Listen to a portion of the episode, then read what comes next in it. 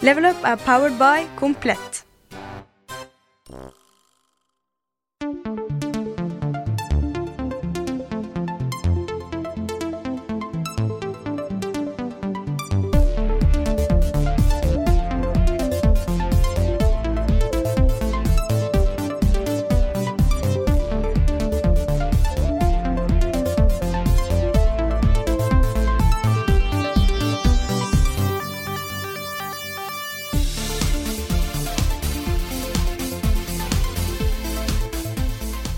Er du lei deg for at russetiden er over? Men ikke vær redd, for Level Up Cast-tiden er så vidt begynt. Og nå skal det bli fest. Bomber og granater. Det skal så bli fest. Ja, det skal det, Carl. Ja, Ja. det skal det. ja. Ja. Jeg heter Carl. Med meg har jeg Rune som vanlig. Og dette er Level Up Cast. Det er det. Spillpodkasten til uh, spillmagasinet Level Up på VGTV. Det er det. Vi skal eh, i den neste timen, uh, halvannen timen, snakke om spill, eh, nyheter, svare på spørsmål uh, osv. Det skal vi gjøre. Ja. Vi skal også litt eh, andre spennende ting. Skal vi si det med en gang, eller skal vi vente litt? Jeg kan vente litt. Vi kan først ta, uh, snakke litt om den konkurransen vi har gående nå, ja. uh, sammen med uh, sponsoren vår. Hvor eh, vi da skal komme hjem til en level up-seer og installere helt sinnssykt fett eh, spillerom.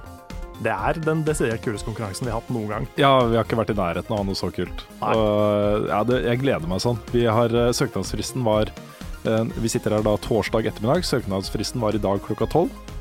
Eh, nei, i går klokka tolv. I går klokka tolv, var Ja. det? Ja. Vi skal prøve å få gått gjennom eh, alle bidragene før helgen. Det har kommet inn så mange, det er flere hundre bidrag. ja, jeg tror vi faktisk er over eh, Kanskje over 200-300 bidrag. Ja, vi er i hvert fall det, for vi har fått inn nesten ja, rundt 200 hos oss. Og så rundt 150 200 fra en sånn Facebook-app-påmeldingssak. Så det er såpass. Det er nok videoer å gå gjennom. Nok videoer å gå Nå Da begynner jeg å skjønne hvordan det er å være idoldommer. ja, ja jeg, jeg tror altså det er såpass mange gode uh, sø søkere her at eh, det nok ender opp med loddetrekning av et eller annet slag, eh, tror jeg. Ja, det kan nok hende det. Ja. Men det er eh, altså en ting må jeg si, det er en veldig cheesy ting å si. Uh, sånn i forhold til at vi er programledere i et program. Men seerne våre er helt fantastiske, altså. Ja, det er jeg har sett noen av de søknadene allerede. Ja. Og det er flere av dem som liksom får meg til å le, eller bare virkelig ville gi dem et sånt rom. ja. Det er så mye bra, liksom. ja, det er kjempebra. Det er eh, sånn som også den der eh, Welcome to the Future-musikkvideoen vi hadde for noen sesonger siden. Mm. Det er jo Hvor mange har en seerbase som klarer å lage sånne ting, liksom? Jeg vet. Det er, eh, de, de er fuckings awesome. ja, det er utrolig kult. Det er dritgøy. Ja, så eh, det skal gå ganske fort dette her. Vi eh, kommer til å, å finne en eh, verdig vinner i løpet av noen få dager. Og så må vi jo kontakte den verdige vinneren og finne ut hvor de bor og sånne ting. Masse greier. Ja, og så, så skal vi filme det. Planen er å ha dette her klart før vi drar på etere, og det er bare tre uker til vi drar på etere, Karl. Ja, ja, det visste jo ikke jeg. Jeg trodde dette her skulle vært i neste sesong. Å ja, nei, det er Så plutselig så bare Å ja, det er nå. Ja. Vi har én backup-løsning, og det er at vi lager én episode mer enn vi hadde tenkt den sesongen her. Aha. Men før det er sommerferie, så skal vi ha, ha resultatet ute. Ja, riktig. Mm, så det går fort. Det går fort. Men uh, vi skal få det til. Vi må jo det.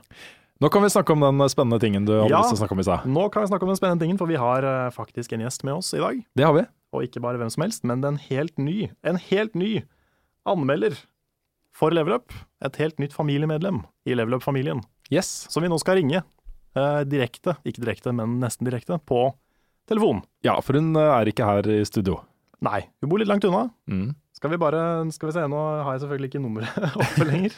Har du ikke det, nei? Jo, vent her. Der var det. Jeg måtte bare scrolle litt sånn. Nå ringer vi. Nå ringer vi. Dette er første gang det er så morsomt fordi Magne er sånn «Øh, Har dere noen gjester på telefonen? Ja, nå har vi for første gang en gjest ja, nå har vi det. Det var så gøy å fortelle han. Det er veldig bra. Så vi er jo ikke helt sikre på hvordan dette funker, vi heller. Nei, ikke helt. nå ringer det. Nå ringer det. Mm. Dette er sånn spørreprogram. Ja. Hallo! Hallo! Du har vunnet en Lada! En Lada! Ja. Uff. Er det det du har vunnet nå? Hei, Frida. Så hyggelig at, så hyggelig at du kunne være med i podkasten vår. Veldig hyggelig. Er. Du heter da Frida Paulsen Danmo. Kan ikke du fortelle litt om deg selv først? Jo, det kan jeg gjøre. Ehm, jeg er 21 år, kommer fra en plass på Vestlandet som heter Stol. Derav den litt eh, nynorskaktige dialekten. Jeg eh, studerer oppe i Trondheim til eh, sivilingeniørgrad i industriell kjemi. Og ellers så spiller jeg en del. Det er morsomt, og Du eh, var jo en av de som eh, søkte om å få bli anmelder hos oss eh, tidligere i sesongen. Og eh, du lagde en anmeldelse av eh, Bajonetta, var det én eller to? Bayonetta 2. Bajonetta 2, to. ja, som var kjempebra. Så vi har på en måte eh, Det har ligget an til at du skulle få muligheten her ganske lenge. Så veldig kult at vi nå har spikra det, og at du er en del av laget. Ja. Det var en, det var en Nei, bare go ahead. Ja, nei, det er veldig, veldig kjekt å få tilbakemelding på det jeg har gjort. Jeg har liksom aldri fått noe sånn eh, skikkelig tilbakemelding. Jeg har jo skrevet en del anmeldelser for den avisen som jeg har vært redaktør i her oppe i Trondheim, litt og sånn, men det er jo ikke alltid en får eh, tilbakemeldinger fra folk som kan dette her, da. Nei, det var en ordentlig, ordentlig bra anmeldelse. Det var eh, det desidert beste vi fikk inn, vil jeg si. Ja da, det var det, uten tvil. Så morsomt. Du skal være med oss eh, gjennom sendingen. Vi, vi skal jo snakke litt om nyhetssaker og hva vi har spilt i det siste, og svare på spørsmål fra lyttere osv. Så, videre. så ja, vi får høre mer av deg utover sendingen. Det blir bra. Da er vi i gang med vår eh, Hva spiller vi om dagen-spalte. Og vi kan la vår eh, gjest Frida begynne. Det syns jeg er bra. Ja. Nå for tida så har jeg, eh, jeg har sittet litt med det som jeg har tenkt å lage et klassikerinnslag som mitt første innslag eh, etter Level Up. Så nå har jeg spilt en del eh, Pikmin 2 Oh, eh, og kost meg mye med det. Det er jo en av de spillene som jeg har husker jeg har spilt mye nå, eller ja, når jeg var yngre, og tatt det litt opp igjen nå, da. Så da blir det kjekt å få lagd et innslag der. Og så ble jeg i går ferdig med Bioshock Infinite. Jeg har lenge slitt litt med motion sickness og sånne ting i sted, men nå har jeg skaffa meg noen databriller som gjør at jeg faktisk kan ta opp igjen litt ting som jeg har mista. Så eh, Ja, men Så kult databriller. Vi snakka faktisk om motion sickness i den type spill i forrige episode av Level Upcast, og det var jo en av de tipsene vi ikke hadde. det var det. Nei da.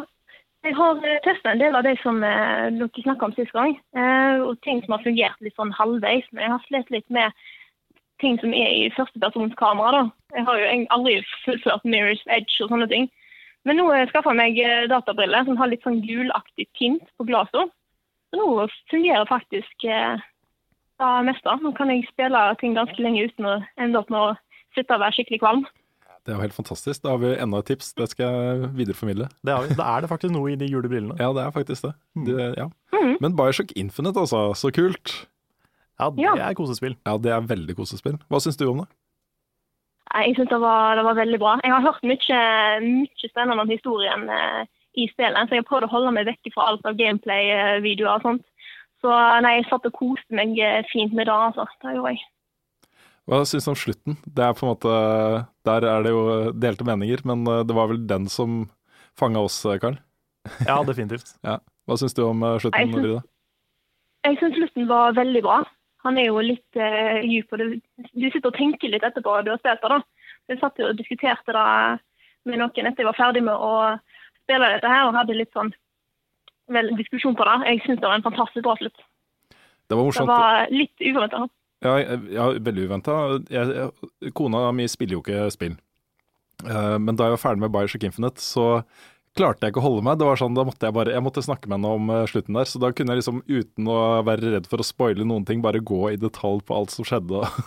så hadde vi så lang prat om slutten på Bioshock Infinite. Det var veldig koselig, egentlig. Ja, det er kult. Mm. Men har dere spilt eh, Burial, Burial at Sea? Nei, jeg har ikke spilt den. For den eh, fletter faktisk hele Bioshock-historien sammen enda mer enn det den gjør i slutten av Infinite. Mm. Så det er verdt å ta en titt på. Spennende. Jeg lasta faktisk ned den der Left Behind-delscenen til The Last of Us, som jeg heller ikke har spilt. av Ja, den også er virkelig verdt å spille. Mm. Jeg hadde tenkt å spille noen av, eh, noen av disse tingene her før, uh, før House of Wolves uh, til Destiny ble lansert, fordi det var ikke så mye å gjøre i spillet. Men så slapp det jo Queens Bounty da, noen dager før, lansering, så var masse dukkediere. Ja, da var du fortapt. Ja, da ble det ikke Left Behind. Nei. Nei. Nei, nei. Nei, men det er bra. Um, du har jo også spilt noe i det siste, Karl, og jeg tenkte å um, introdusere din lille, ditt lille segment her med spørsmål jeg har fått fra en lytter. Okay. Det er fra Tony Flaten. Ja. Carl, har du spilt siste episode av Life is Strange? Hva er din reaksjon etter, etter den episoden? Jeg har så til de grader spilt siste episode av Life is Strange. Og øh, nå er jeg så sinna over å måtte vente to måneder. Ja. Fordi eh, den slutten på episode tre Jeg skal ikke spoile noe, men Jesus Christ. Det er eh, Det kommer til å bli vanskelig Mm. å vente så lenge. Jeg, sy er, eh, jeg syns det er så morsomt å høre deg snakke om det spillet, fordi det høres ikke ut som et spill. Det høres ut som et, uh, noe annet. Ja, for det er jo liksom uh, Det er jo i aller høyeste grad et spill, men det er liksom historien i det er det som virkelig uh, engasjerer deg. da. Mm. Så det å vente på en ny episode av det nå, det, er, det gir meg den samme følelsen som når jeg venta på en ny sesong av Lost, på en måte. Mm. Når det var på sitt høyeste. Ja. Så nei, jeg er uh, superinvestert nå i det universet og de karakterene og den historien. Mm. Så eh, det blir vanskelig. Ja, du sa noe om tidligere i dag at det kunne ende opp med å bli ditt game of the year. Det kan, det er ikke sikkert. Nei. Det er, eh, det er, foreløpig så er det veldig høy konkurranse med Bloodborne og Ori, men, eh, men kanskje. Litt avhengig av hvor det går herfra. Jeg er Mm. ikke sikker på hva jeg syns om den store twist-endingen i episode tre, men det kommer helt an på hva som skjer videre. Ja. Så eh, det kan gå veldig opp, og det kan gå veldig ned. Ja, det, er, et øh, kult konsept for et spill, i hvert fall. Veldig kult konsept. Så Anbefaler alle å sjekke ut Life is Strange, rett og Mm. slett. Du har spilt andre ting også, du? Det har jeg. Jeg har spilt uh, Jeg kan jo nevne kjapt at jeg er uh, sammen med kjæresten min så har vi, har spilt mye Nintendo 64-spill i det siste. Pokémon Snap og Banjo Kazooie og alt mulig sånne ting.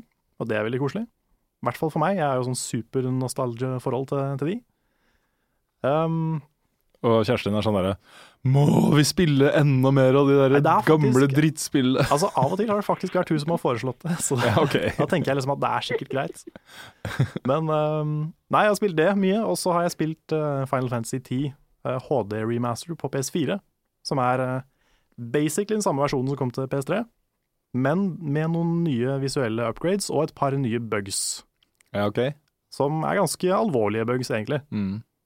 Um, og den første av de er, eh, er en sånn RNG-bug, som går ut på at eh, istedenfor at alt i spillet er randomized, så er det hver gang du starter på samme sted og gjør de samme tinga, så skjer det samme. Det er en veldig vanskelig bug å forklare, veldig rar bug, men um, det er liksom Alt som en gang var random, har nå liksom blitt satt i stein, da. Ok. Um, på en måte. Det er veldig vanskelig å forklare det. Men Mm. uh, hvis du liksom resetter spillet, prøver en bossfight igjen og igjen og igjen Hvis du gjør det samme, så vil fienden også alltid gjøre det samme. Og sånn var det jo ikke i originalen. Mm. Så um, det er noe rart jeg har gjort her. Det er sikkert bare noe konverteringsfeil eller noe som har gjort at det har skjedd. Uh, og en annen bug går på musikken. At istedenfor at musikken fortsetter mellom hver uh, battle, for eksempel, da, så begynner den på nytt etter hver gang. Og det gjør at uh, du bare hører liksom de første 20 sekundene av hver sang før den blir avbrutt av en battle theme. Og så kommer du tilbake igjen, så begynner det på nytt. ikke sant? Det er Og- jo helt krise. Ja, det er litt krise, Ja. fordi Final Fantasy-musikken er jo dritfin. Og du vil jo gjerne høre hele sangene. Mm. Så for meg så er det litt sånn uh, Jeg vil ikke si game-breaking, men ødeleggende, da. Blir det patcha, tror du? Jeg håper det. Mm. Square Enix har jo ikke verdens uh, beste historie med patching av uh, spill, men jeg håper de tar den her, altså. Mm. For hvis de fikser de to tinga, så er dette her den beste versjonen av Final Fantasy 10. Ok. Hvis ikke, så må man spille på PS3. Ja. Eller PS2. Ja. Eller i hodet sitt. Eller i hodet sitt. Mm. Tenke tilbake på hvor gøy det var da, Ja, i gamle dager. Mm. Når man spilte det og hadde det fint med det. Ja. Så uh, Også et siste spill jeg har spilt, det er jo Block and Load. Ja, nettopp. Vi streama det i tre timer i går på Level Up-kanalen. Og det var gøy, det, altså. Veldig kaotisk, og vi sugde. Men utenom det, så var det gøy. Mm. Ja. Du eh, har veldig lyst til å ha med meg. Ja, jeg har lyst til å ha med egentlig mange. Jeg har Ja. lyst til at vi skal spille ti stykker en gang. Mm. Fordi nå var vi fem i går. Ja. Og det var kult, men det var liksom oss mot fem andre random folk på internett, og det gikk jo ikke så bra, for de var så gode. Mm. Så hvis vi er liksom ti personer som er på ca. samme nivå, så kan det bli ganske gøy. Ja, det kan Jeg skal ikke utelukke, utelukke at du får med meg på det en dag. Vi får se. Ja, du blir ikke med på Civilization, men du blir kanskje med på. Kanskje med, Det ligger i hvert fall mye nærmere ting som jeg har lyst til å spille. Ja, ja, men det er bra. Så ja. Er du interessert, eh, Frida? Jeg kan gjerne være med. Jeg har ikke fått testa Blockload load sjøl ennå, men eh, det ser, det ser veldig gøy ut. Ja, det var første gangen for oss også i går. Så det Ja. var eh, ganske lett å komme inn i, men veldig, veldig kaos i starten. Mm. Så det er sånn Ja, så da kan jeg tenke meg. fem-seks runder, så er man ganske inne i det. Ja, jeg, jeg, er, jeg, er ikke, jeg, er ikke helt personlig, da, for meg personlig. Jeg ser jo at dette er gøy. Eh, et bra konsept og sånt. Men når jeg spiller skytespill eh, mot andre, så har jeg lyst til å skyte. Så alle, alle de spillene som har introdusert altfor mye andre ting å gjøre, har jeg blitt litt sånn her Jeg vil bare skyte. Ja, jeg ser den. Men um, du kan jo spille en klasse som fokuserer på det, da.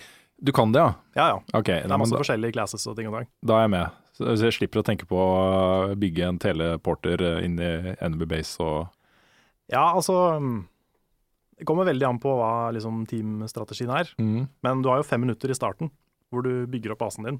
Jeg eller står og venter på å skyte. Eller det. Da, da er du ikke så veldig produktiv. Nei, det er sant. Men øh, det er liksom, etter det så er det bare action, Ok, basically. ja, nettopp. Ja, vi får se. Vi får se. Mm. Kanskje Rune popper opp i en øh, stream en gang. Ja da, jeg, jeg gjør jo det, da. Ja, altså i en block and load-stream. Ja, ok, ja, men det, ja, ja, det kan tenkes. kanskje.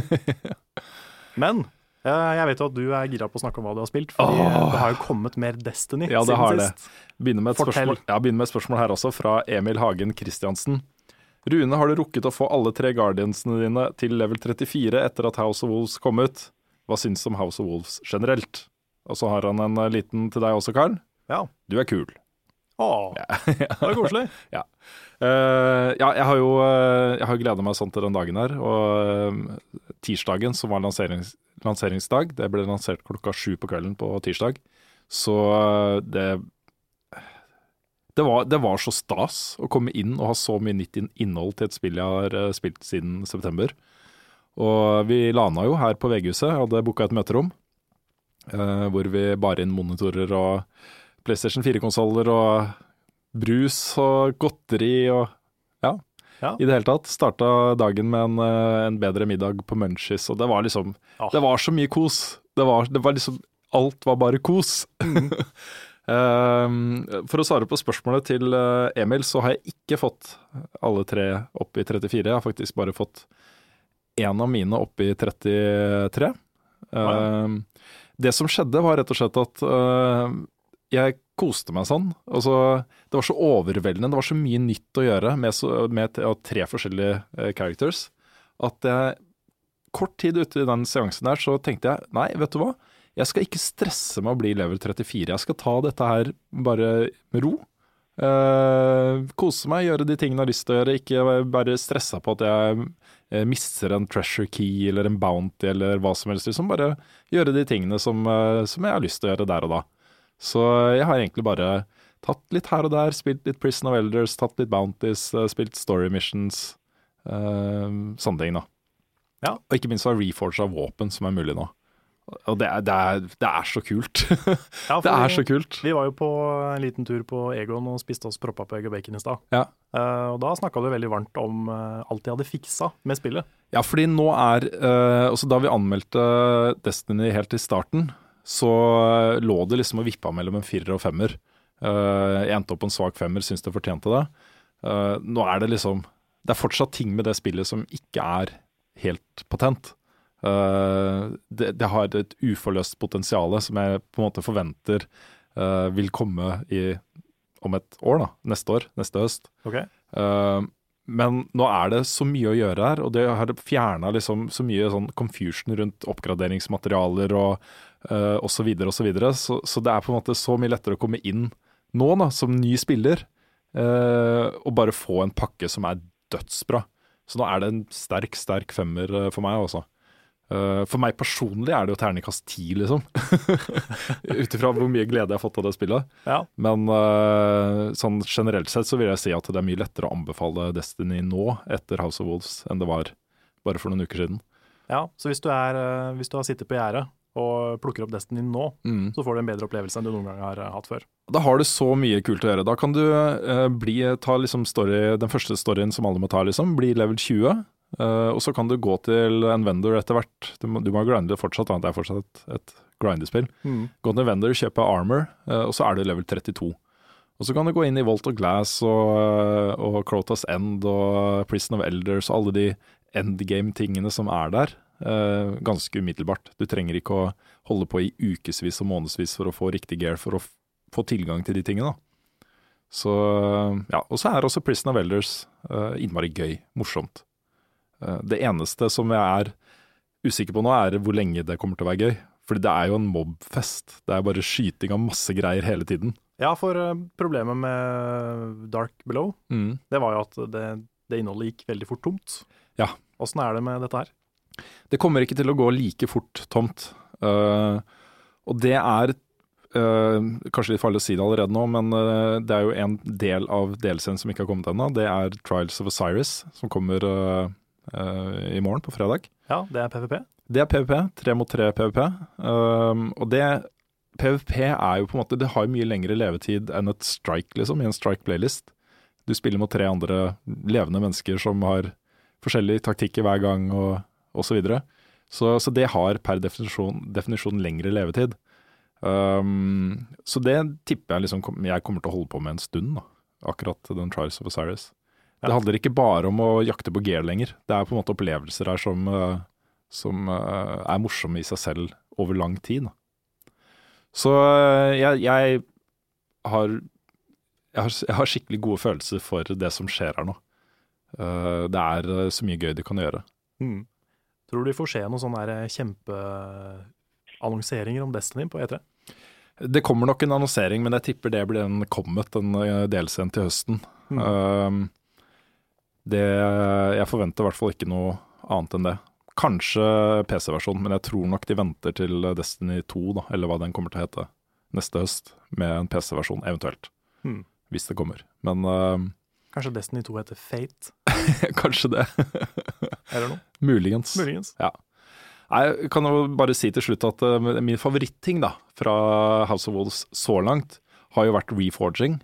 uh, og ikke minst reforging av scout-rifler, fordi du kan nå uh, få fullauto på scout-rifler når du reforger. Og hvis du kombinerer det med f.eks. field scout Nei, jeg mener, jeg mener uh, Firefly. Altså at hodene eksploderer når det ved critical hits. eh, og eh, perfect balance-type ting. Altså at den blir veldig stabil, fullauto, og ting eksploderer når du skyter dem. Det er så gøy! Det er så gøy! jeg blir, jeg blir så, så glad inni meg. Det er ja. Du kan liksom forge din drømmegun. Ja, du trenger ikke å ha liksom ti Jeg hadde tolv sniperrifler i hvelvet. Eh, nå har jeg liksom fire eller fem. Uh, en i hver elemental og et par til PVP som jeg skal teste ut. Mm. Det er så mye bedre. Du, kan bare, du trenger ikke være bekymra for at liksom, du ikke får tak i noe som er bedre, så du tar vare på det mye lenger enn du trenger å gjøre. Nå kan du bare reforge, så får du den perfekte våpenet. Mm. det er kjempegøy. Det er enda mer et liksom gun-samlespill enn noen gang har vært, kanskje. Ja, og er det én ting Destiny eh, har bra, så er det våpen, altså. Våpen og combat. Det er det aller, aller beste sånn gameplay-messige i det spillet. Ja, jeg er med på den. Mm. Så, så det er det. Ja, Ja. men får vi noe eh, type review-type ting i neste episode? Ja, jeg tenker at jeg gjør en, eh, en, i hvert fall en kort uh, guide på hva House of Wolves er og hva jeg syns om det nå til episoden. Uh, og så har jeg lyst til å uh, på et tidspunkt komme tilbake til Destiny med en slags ny anmeldelse, etter å ha fått testa Trials of Osiris og, og sånn skikkelig. Fordi eh, ja, det spillet som vi har i dag er så mye mer enn det var eh, i september. Og det er jo et online-spill som lever og lever og lever. og legges til ting og osv., så, videre, så det fortjener snart en ny anmeldelse.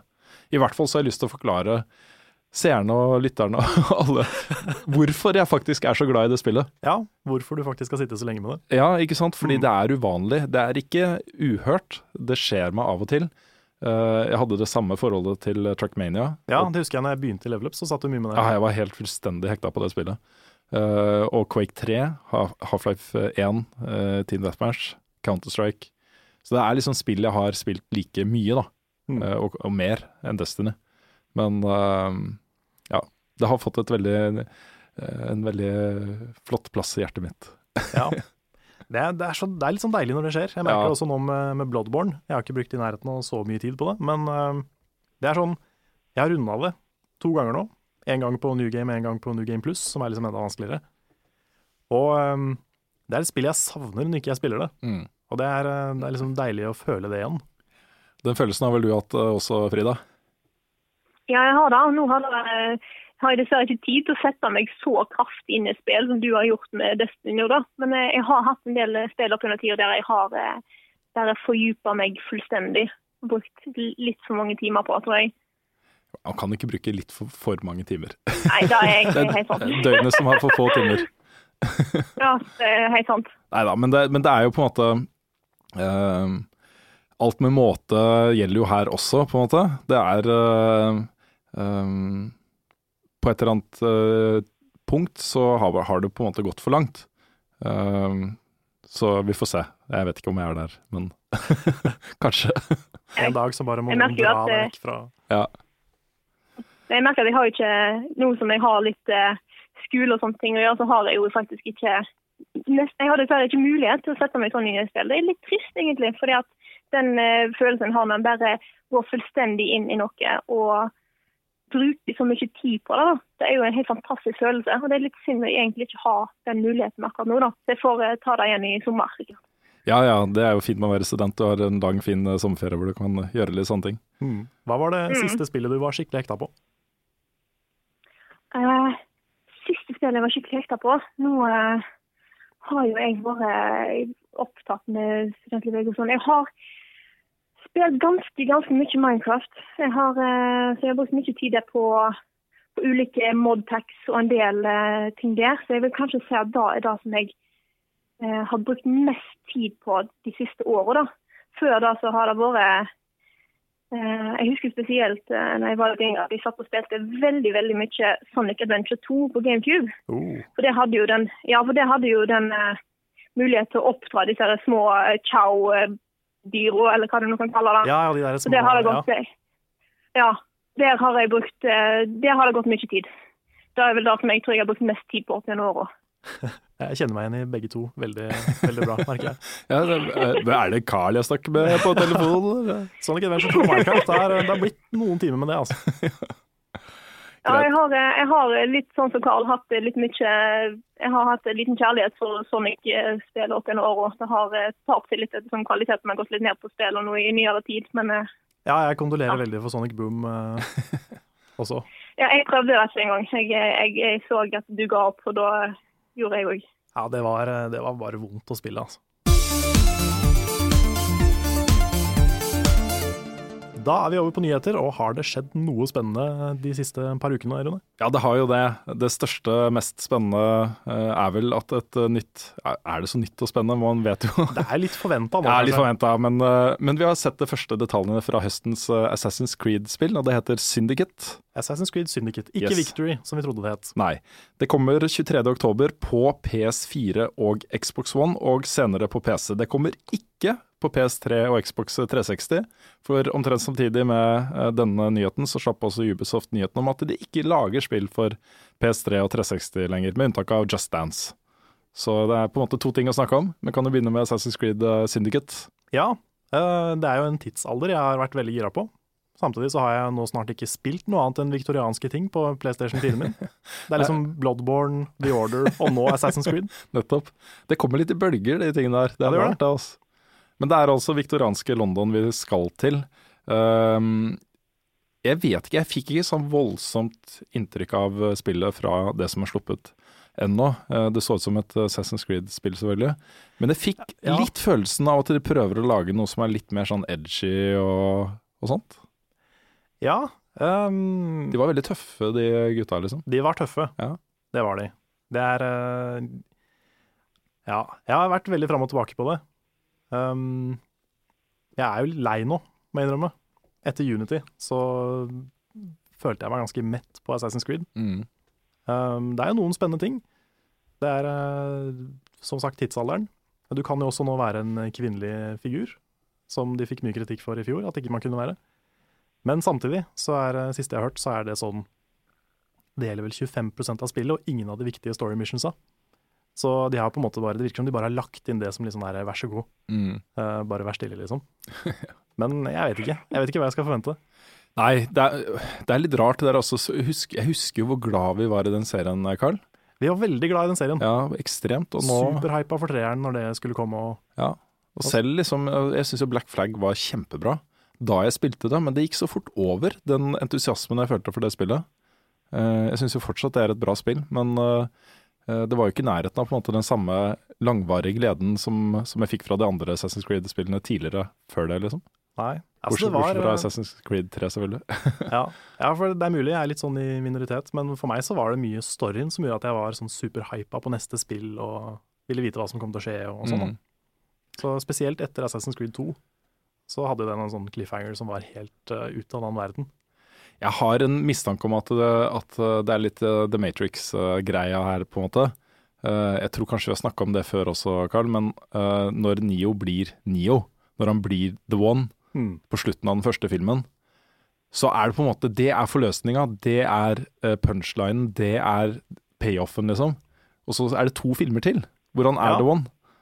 Det Ja, er på en måte er sant, er litt der. Så når hele liksom, bakgrunnshistorien til eh, Assassin's Creed, med den der prehistoriske sivilisasjonen og sånne ting, var oppe og ute og lufta og vedtatt, på en måte, ikke en, noe sånn vagt hint lenger, så kanskje litt av den der mystikken forsvant.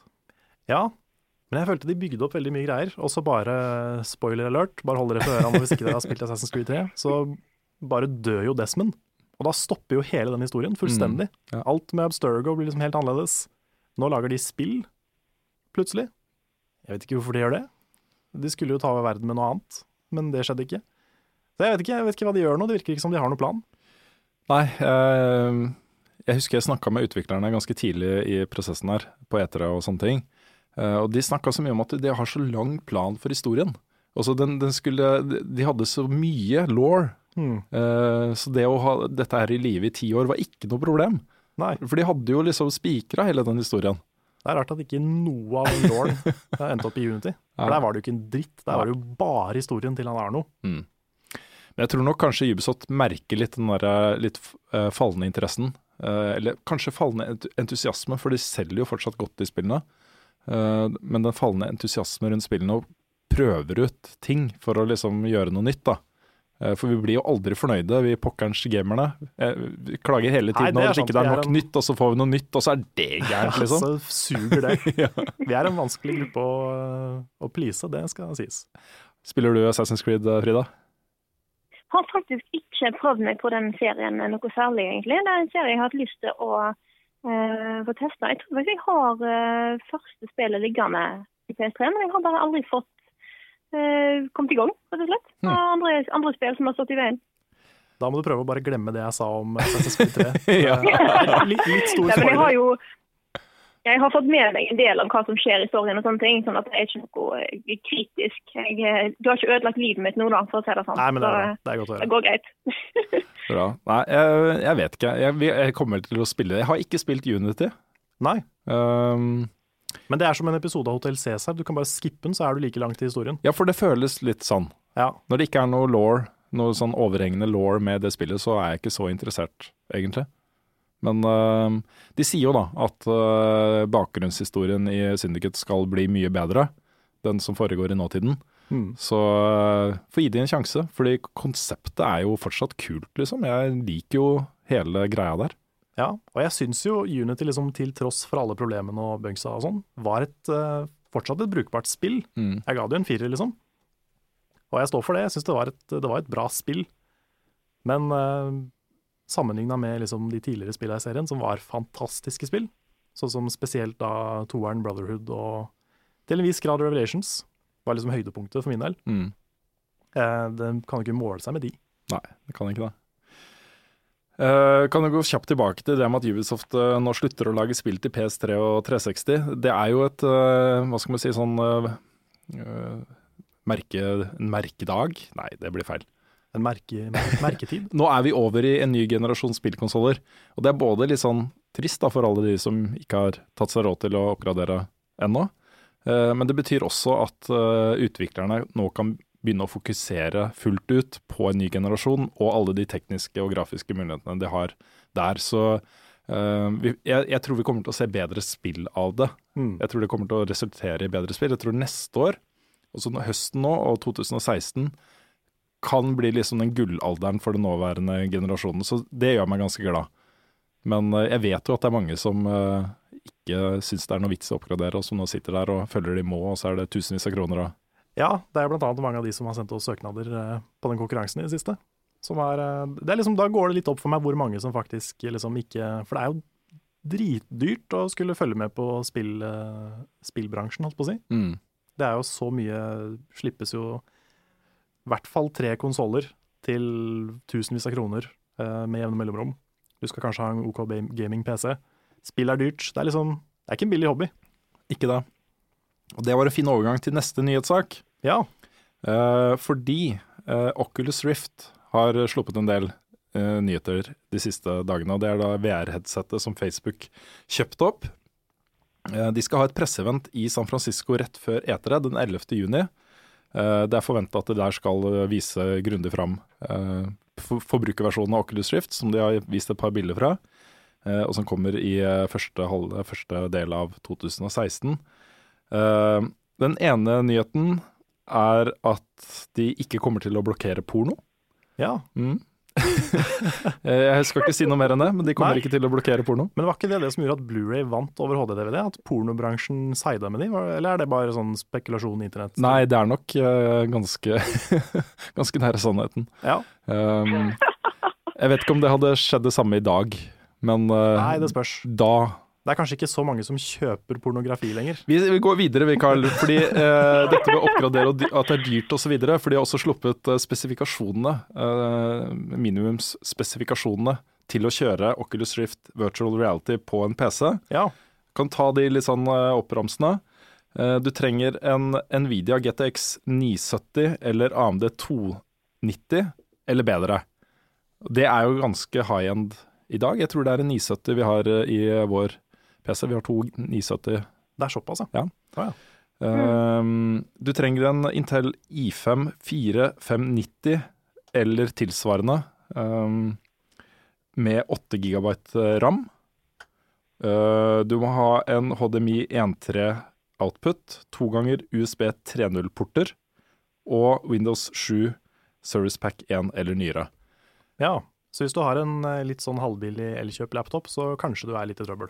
Ja, eh, det har kommet masse reaksjoner på den spesifikasjonslista, for det er en ganske dyr PC i dag. Ja. Særlig skjermkortene drar den prisen ganske kraftig opp, og også for så vidt eh, prosessoren. Men uh, man må også tenke på at den her lanseres da i 2016. Jeg skal garantere deg at det er i hvert fall to nye generasjoner med skjermkort før den tid. Uh, de kortene kommer ikke til å være så dyre da. Det, jeg tror ikke du trenger en PC til 15 000-20 000 for å kunne kjøre Oculus Rift. Jeg tror vi er liksom nede i 6-7 minimum. Mm. Um, og såpass må man på en måte Skal du spille på en PC, så må du i hvert fall ut med rundt det, da. Ja. Så jeg, jeg er ikke så bekymra for den uh, inngangsbilletten. Nei, også i hvert fall hvis du har en ålreit uh, stasjonær PC. For stasjonær PC så får du jo mye for pengene om dagen også, Masse. i forhold til laptoper, liksom. Mm. Nei, Vi har snakka masse om virtual reality, du og jeg, eh, Carl. Men gleder du deg til virtual reality, Frida? Jeg tror at eh, jeg tror virtual reality kan bli ganske kult.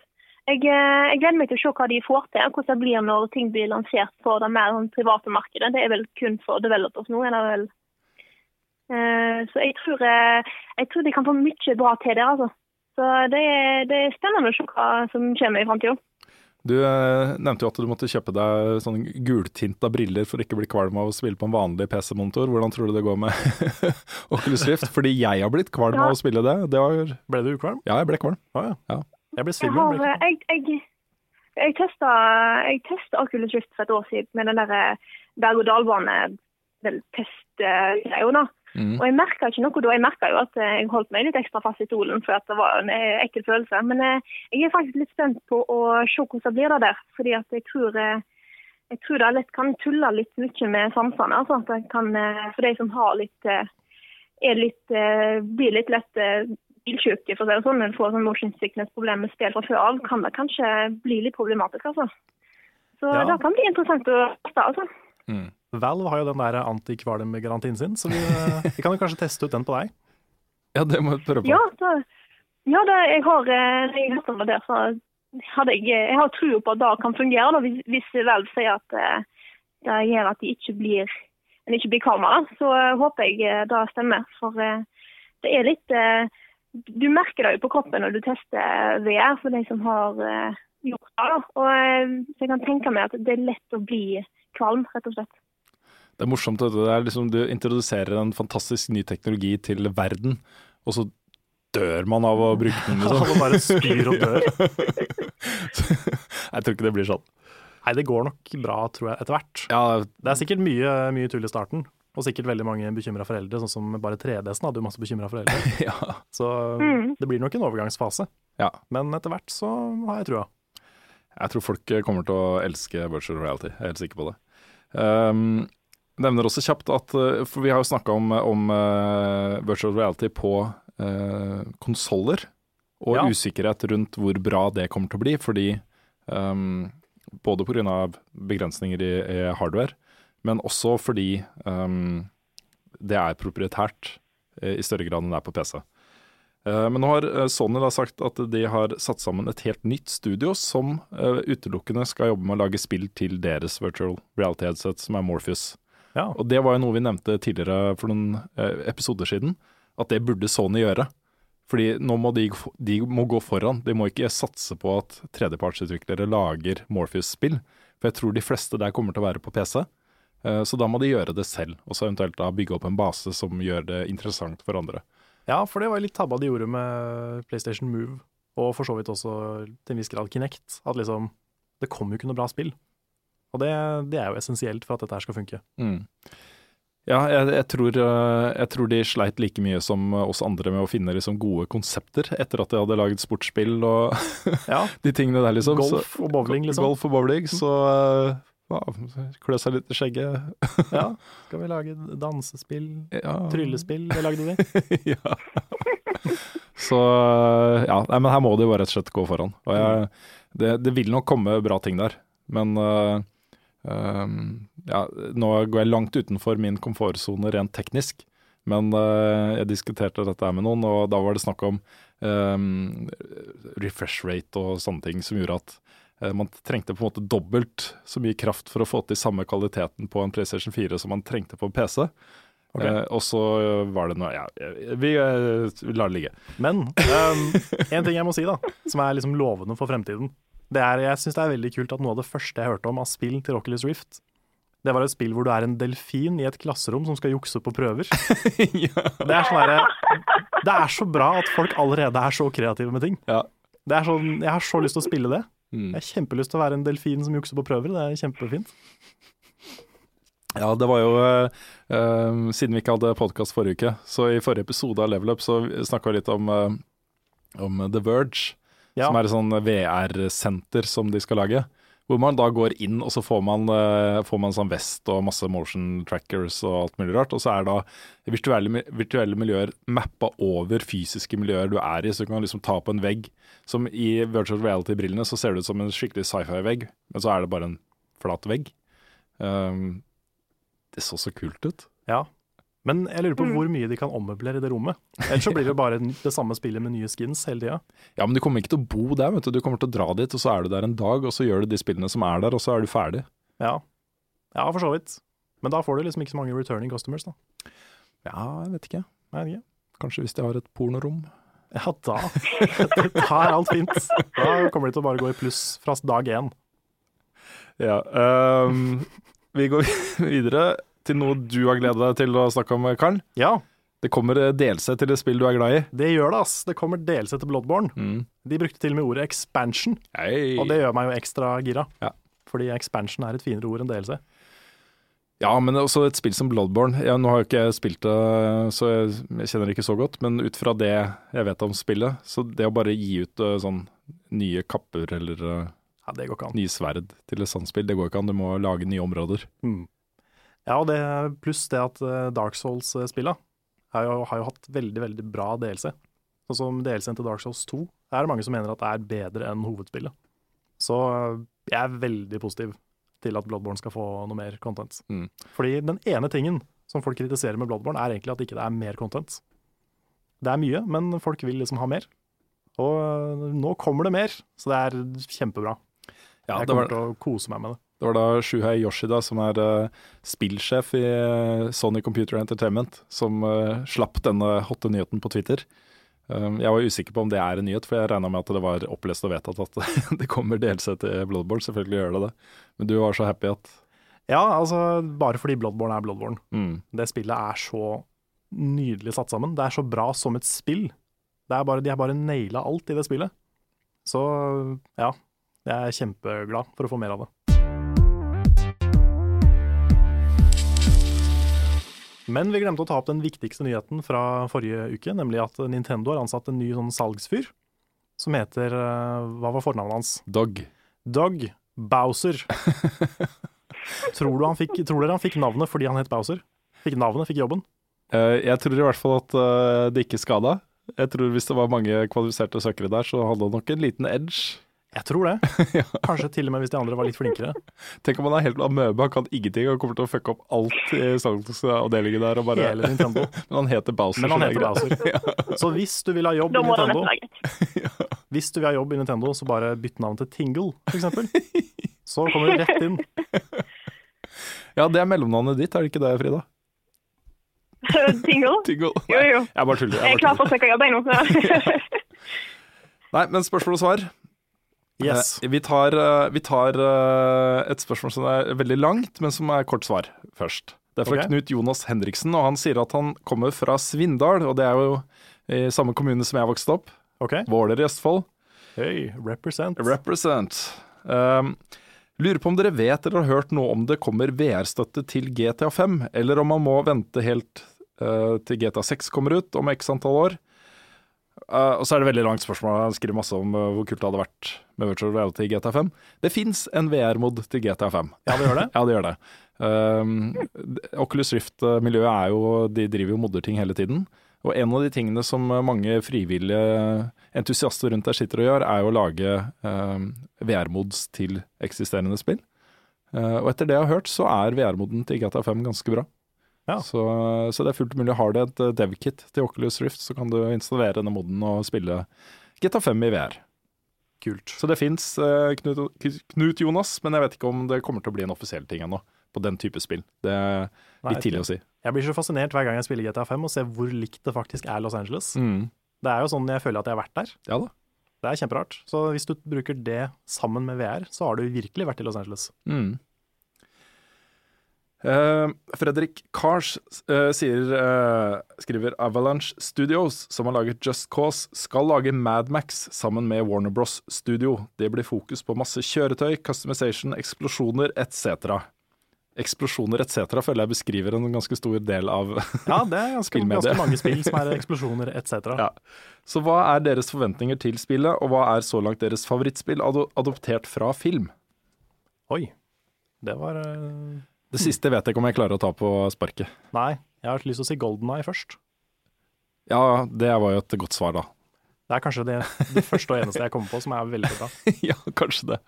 Uh, jeg skal se om jeg kommer på flere. Men uh, når det gjelder Mad Max-spillet, så har jeg ikke sett filmen ennå. Nei, ikke heller. Og det er jeg veldig lei meg for. Ja, altså Jeg har ikke noe forhold til Mad Max i det hele tatt, men pga. alle de der kontroversene som har kommet opp, så har jeg veldig lyst til å se den. Ja, ja.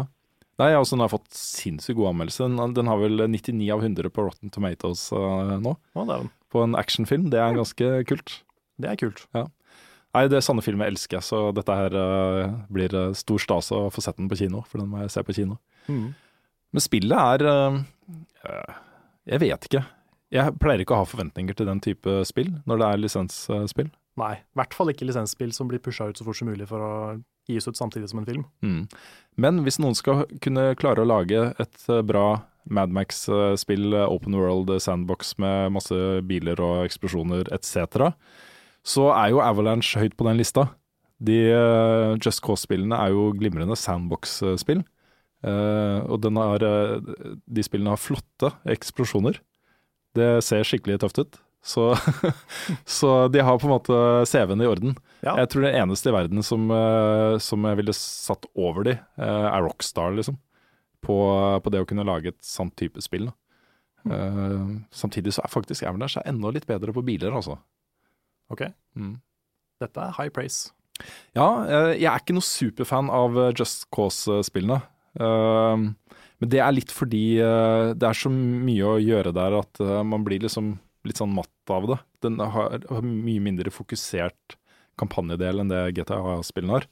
Så jeg mister litt interessen. Og det er, jo, det er jo selve grunnen til at mange foretrekker Just Cause foran GTA, er jo at det ikke er noe særlig story der, og du kan bare gå rundt og kødde og ha det gøy.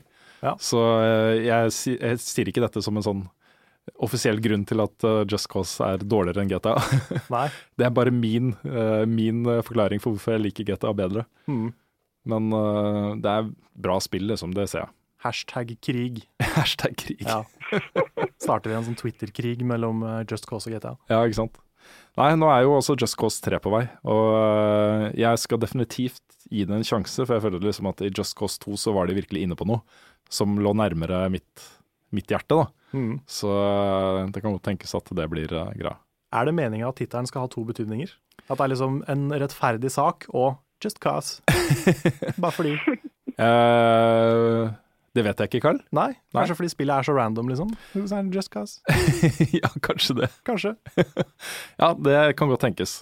For det er liksom, du kjører langs en vei, og så tar du uh, sånn der, hva heter det, sånn rappell-ting du skyter, så kan du dra deg opp i et helikopter, og så border du helikopter, og så kjører du helikopter, og så eksploderer alt, og så Ja, jeg sier du. Ja. Mm.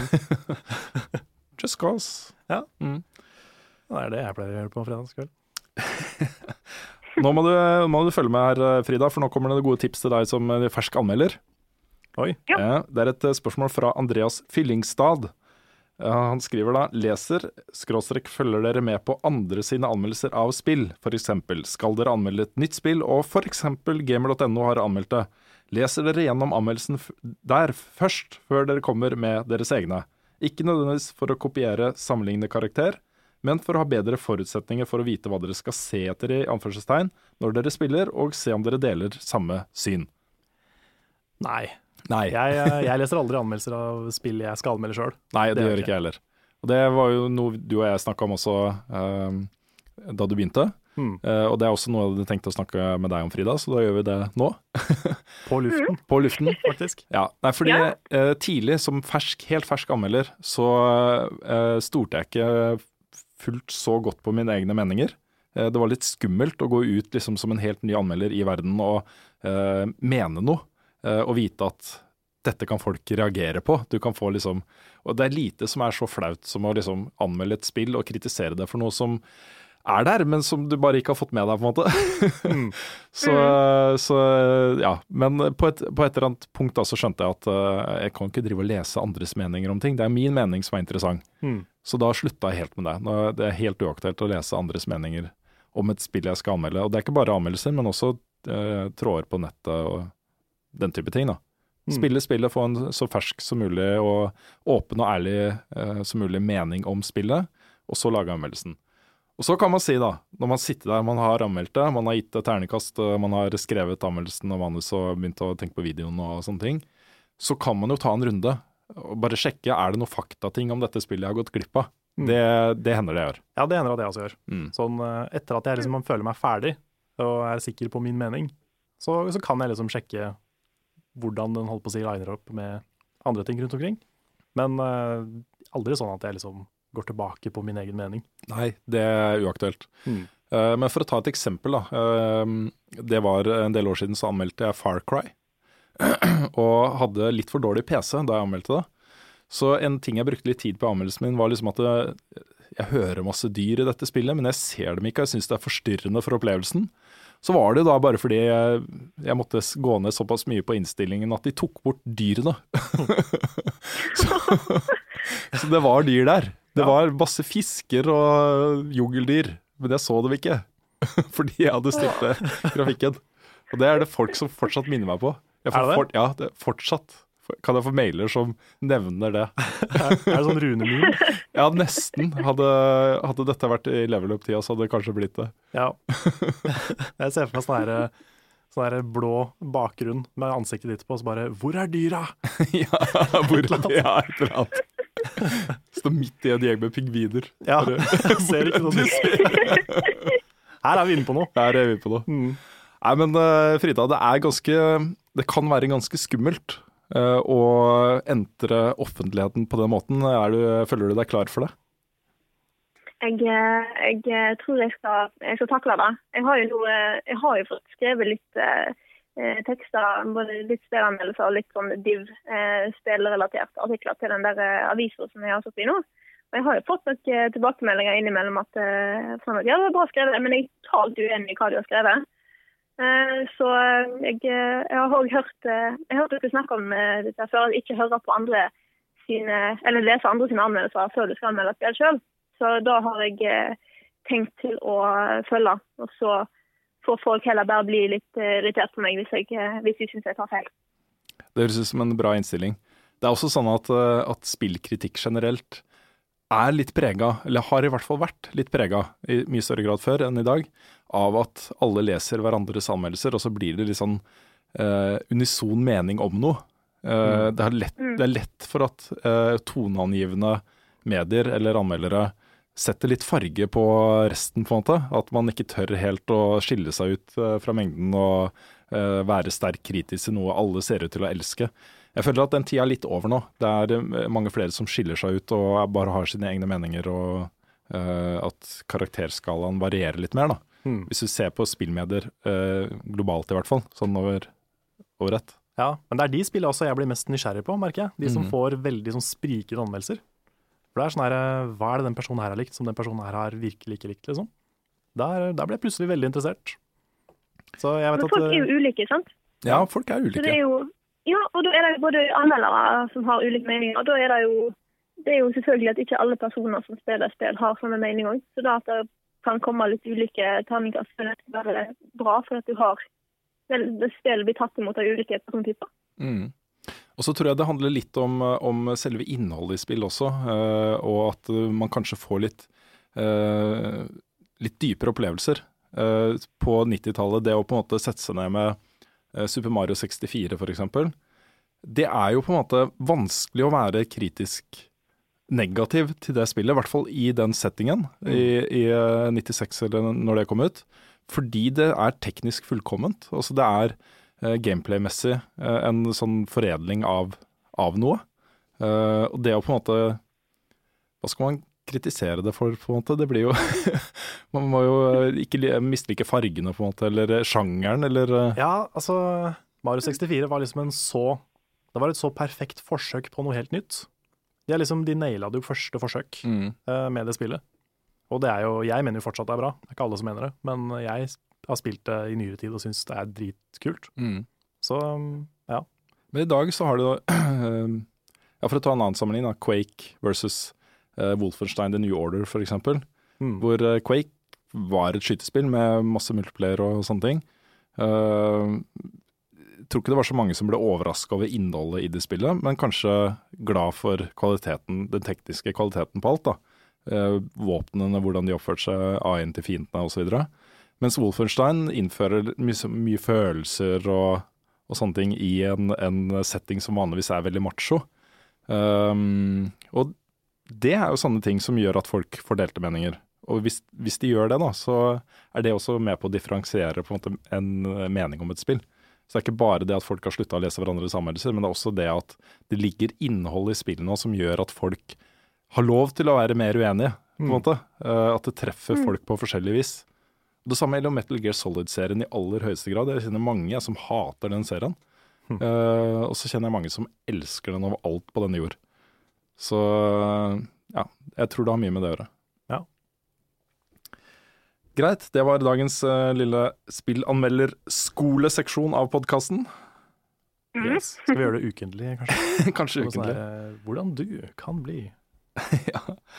Eh, Niklas Krabsetsve har spurt deg, Carl. Ja. Hvilke store spill tror du Nintendo kommer til å annonsere på etere som en erstatter for Zelda i år? Det er et vanskelig spørsmål, fordi eh, nå er det jo veldig lite stort og spennende som er på vei fra Nintendo, utenom Zelda. Det er liksom Yoshi's Woolly World som er kanskje det søteste jeg har sett. Det er sånn jeg blir helt satt ut når jeg ser de trailerne, men utenom det så er det liksom ingenting sånn eh, veldig stort og spennende. Så um, Jeg er kjempespent på Nintendo på etere. ja, De kjører jo ikke vanlig pressekonferanse, de har vel en sånn direct- direct-ting i år også. mm, sånn som de har hatt de siste par årene. Ja, nettopp.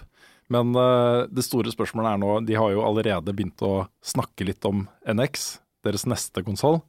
spørsmålet er hva er det de kommer til å fokusere på? Kom, har de gitt opp WiiU? Og det svaret får vi på etere, føler jeg da. Ja, det er nok et poeng. Så Jeg, jeg tror ikke de kommer til å si noen ting om NX. Jeg tror de kommer til å fokusere på Wii U i hvert fall et år til. Um, og jeg har en Altså, jeg håper jo Jeg har snakka mye med kjæresten om dette her. Vi håper jo på et Pokémon Snap. Det er ikke noe storspill, men det er det perfekte spillet for Wii U. Pokémon Snap er liksom en sånn Jeg tror nesten alle som har spilt det spillet, elsker det. Og hvis det liksom kommer et nytt på den konsollen, så er den konsollen bare helt perfekt for en oppfølger. Du har den der gamepaden som kan brukes som kamera, og det hadde fungert så latterlig bra. Det er bare, de må bare lage det. Så jeg, jeg håper intenst at det kommer. Men uh, utenom det, de har jo noe uh, Kanskje det kommer en uh, ny versjon av det Pokémon Fighting-spillet, kanskje, som de har på Arcades i Japan. Kanskje Jeg vet ikke, nytt Mario. Det er lenge siden. Det er lenge siden det har kommet et skikkelig sånn 3D Mario, så kanskje det kommer noe der. Det er så vanskelig å vite med Nintendo, for de holder ting veldig sånn tett til brystet. Ja. Så det er veldig få lekkasjer og sånn. Jeg vil gjerne ha et nytt Metroid da. Men det kan hende kommer. Det er det ganske stor sannsynlighet. Den står litt for tur. Men det er jo ikke en system seller. Altså Den eh, selger jo ikke voldsomt mange konsoller. Den har også en sånn dedikert fanskare som eh, kommer tilbake og tilbake. Det er sant. Kanskje et nytt eh, Pikmin, Frida? Ja, kanskje det. Altså, jeg, tror ikke det, jeg tror ikke det er helt Det er kanskje litt for nytt Pikmin 3. Pikmin 3 var jo helt fantastisk. Det er jo et av de vakreste spillene som er til Wii U. Jeg tror, eh, jeg tror vi kanskje må vente litt lenger. Det kommer sikkert ikke før eh, NX, jeg tenker meg. Ja, det tror jeg rett i. Er det noe spesielt du kunne tenke deg å se på Wii U? Ja, nei, altså nå, eh, nå er jeg egentlig bare spent på å se hva Nintendo har å komme med. Nå føler jeg at de har litt eh, å de må, de må hente seg litt inn. for Nå føler jeg at de, har havnet i bakgrunnen og ikke har solgt så mye Wii U-konsoller. og Jeg føler det mangler litt på, på rett og slett på Wii U. Så jeg håper de har noe som kan få folk til å bli litt engasjerte og litt eh, interesserte i konsollen. Eh, nå merker jeg at det er veldig mye av de nye spillene som kommer, de er, det er til PlayStation 4 og Xbox One. Det er Wii U blir litt forbi. Så jeg håper, jeg håper Nintendo kommer med noe eh, stort, noe flashy, som kan få folk litt ivrig. Kanskje et nytt Mario-spill, eller Metroid, som du sier. Hmm. Det er sant. Altså, multiplattform var jo ganske, ganske svakt på Wii, men på Wii U er det jo helt borte. Mm. Det er jo ingen som lager spill til, til Xbox One, PS4 og Wii U. Nei. Det fins jo ikke i det hele tatt. Nei, det gjør ikke det. Nei, det, er, det har med volum, salgsvolum å gjøre. De kommer ikke til å selge så mange kopier. Det er ikke noe vits å bruke tid på det. Mm. Og så er det jo sikkert litt med hardware også, at det er en såpass annerledes konsoll at de må gjøre veldig veldig mye annerledes. Ja, det er, nok det. Men hadde de forventa å selge en million eksemplarer av et spill, så ville de gjort det. Ja, det kan nok hende. Så ja. Det er et eh, litt relatert spørsmål fra Johan Martin Seland. Eh, han spør hva ser dere mest fram til på etere? Hvem blir den store vinneren? Og vi har jo snakka masse om etere oss imellom nå, Carl, for nå er det bare tre uker til vi reiser. Det er det. Vi har bestilt billetter og alt Vi har bestilt billetter og hotell og Ja, Jeg er så misunnelig på dere! Nei da. jeg holdt på å si hvor vi skulle bo, men det Nei, sparer vi til. det, eh, det svarer til episoden. Ja. Nei, men uh, etere er, det er et fesjå, Frida. Det er eh, sirkus. Eh, Veldig slitsomt, men det er jo kjempegøy også. mm. Det er verdt å oppleve det i hvert Det er fall noe en jeg gang. har lyst til, å- noe jeg har lyst til å få med meg en gang. Mm. Det er virkelig noe jeg har lyst til å oppleve. Heng med oss, så er, øker i hvert fall mulighetene dine Ja. til, til det. Det er jo sånn eh, Det er vel én eller to anmeldelser, så har du jo i hvert fall kvalifisert deg til å være med, har du ikke det? Ja, det, da er du kvalifisert sammen med de andre frilanserne våre, selvfølgelig. Ja. så Nei, men etere er eh, Det, er jo- det blir gøy. Mm, det blir skikkelig gøy. Og det er, så, det er så deilig å være litt mindre livredd enn jeg var i fjor. Mm. Fordi nå har vi gjort det en gang. Mm. Og vi vet hvor vi skal bo, og vi vet uh, liksom litt praktiske ting. Så nå er jeg bare hypa. Jeg bare gleder meg. Mens jeg er sånn uh, Åh, det her tror jeg blir mitt uh, 15. etere? 16. 16. E3. 15. eller 16. Jesus. Da skjønner jeg at du begynner å bli litt lei. Ja, for det er liksom Jeg gleder meg alltid til å dra. Men når jeg er der, så er det sånn De messehallene er så store, det er så langt å gå. Jeg blir sliten i beina, jeg sover dårlig jeg jobber mye og stresser. mm. så øh, jeg er øh, Der er jeg litt gammel mann, altså. Jeg er det. Men øh, det er jo kjempegøy, og det sitter på pressekonferansen er alltid sånn der sitrende spenning. Mm. Men nå er vi langt utafor spørsmålet. Ja. Eh, hva vi ser mest fram til på etere, og hvem som blir den store vinneren. Jeg tror eh, VR blir det største på etere i år. Jeg tror det. Ja, jeg tror de kommer til å vise fram. Jeg tror eh, Valve kommer til å vise fram masse. Oculus Rift kommer til å vise fram masse. Vi kommer til å se en del uh, Project Morpheus. Uh, Nintendo kommer til å uh, gå litt mer i dybden på HoloLens. Jeg tror det kommer til å bli så Microsoft, mener du? Ja, Microsoft, uh, hva sa jeg? Nintendo? Ja. Og jeg mente Microsoft, selvfølgelig. Ja. Ja, Nintendo kommer ikke til å røre VR. Nei, ikke ennå, De ligger alltid tre-fire år etter. Ja, de gjør det. Men eh, VR kommer til å bli kjempestort. Eh, Bare tenk for deg, her har de på en måte De er veldig nære forbrukerversjonen i, i teknisk eh, innhold nå, på disse dev-kitene. Um, tenk deg liksom, her er alle spilljournalistene i verden, alle mediene representert. De går inn og tester de beste VR-opplevelsene som er oppdrevet i dag. Hva er det du tror de kommer til å gå ut med av inntrykk fra E3 i år? Det er det, liksom. Mm. Det å teste ting som er bedre enn all VR du har sett før, eh, og som ja, er noe nytt. da. Det er noe helt nytt. Det kommer snart. Det kommer til høsten. Mm. Jeg tror det, altså. Ja, hvis vi får en sånn skikkelig presentasjon av det, så kan det hende inn på noe. Ja, Det å stå og se på noen andre spille VR er ikke så Nei, for du kan ikke det. Du må jo liksom sitte der med hvert ditt headset, i så fall. Mm. Det, har de gjort noe sånt før? Ja da, det har vært uh, testbooths av uh, ting rundt omkring, men det er jo uh, Det er vanskelig å få den tilgangen, så vi må prøve å For det er ikke sånn der Under your seat, there's a VR headset. Ja. Altså, bare gjør alle det. Nei, jeg tror ikke det. Så de, hva er det de hadde? Var det sånne der, gammeldagse 3D-briller et år? Hadde de det? Ja, de hadde det sånn der rød og blå, vet du. Åh, det er nesten koselig. Ja, det var morsomt. Og de gjorde det bare for å få det bildet av alle vi dumme journalistene som satt og liksom var en del av PR-hypoet deres med VR-briller. Ja, ja. Men eh, altså, Sony pleier å være ganske gode på de konferansene, i hvert fall i de siste, siste åra. Ja, det var holder kanskje en knapp på Sony, sånn i forhold til de tre store i år, altså. Ja, jeg vet ikke. Um, Microsoft har jo gått ut og sagt at de har den uh, beste lineupen av games ever på pressekonferansen på E3. De har det, ja. Mm. ja. Ja, for nå føler jeg de begynner å henge litt etter på exclusives. Ja, de gjør det. De har uh, Sunset Overdrive. Uh, hva annet har de? Halo Collection. Ja, du, nå kommer Halo 5 Ja, det til kommer. høsten. Det er et godt poeng. Ja. Men uh, nå har liksom PS4 hatt eh, i hvert fall Bloodborne. Og det var noe annet jeg tenkte på, men så ble det borte. Nei, Xbox One har jo også Tomb Raider til høsten. Det er sant. Det er kanskje ikke så dårlig stelt som jeg umiddelbart Nei, men de har, de har nok uh, ligget litt etter eh, Sony på, på den biten uh, fram til nå. Havna litt i skyggen der, men eh, det løpet er ikke kjørt ennå. Nei. Så der er det fortsatt full, full eh, krig. så nei, jeg vet ikke, altså. Jeg, jeg holder fortsatt en knapp på VR, jeg også. Det Kanskje Bethesda vinner. De har jo sin første sånn skikkelig konferanse. Square Enix også skal ha det, en time etter Nintendo. Ja, OK. Ja, Da har de en egen eh, stream, nettopp. så den må, vi, den må vi få med oss. Det må vi få med oss. Jeg har jo prøvd å få oss påmeldt til den Bethesda-konferansen, og jeg klarte det. Men de invitasjonene jeg får eh, per mail funker ikke, så jeg vet ikke om vi klarer å komme oss inn der. Nei, fordi du fikk jo navnet til en annen fyr. Jeg gjorde det Rune i, i NRK.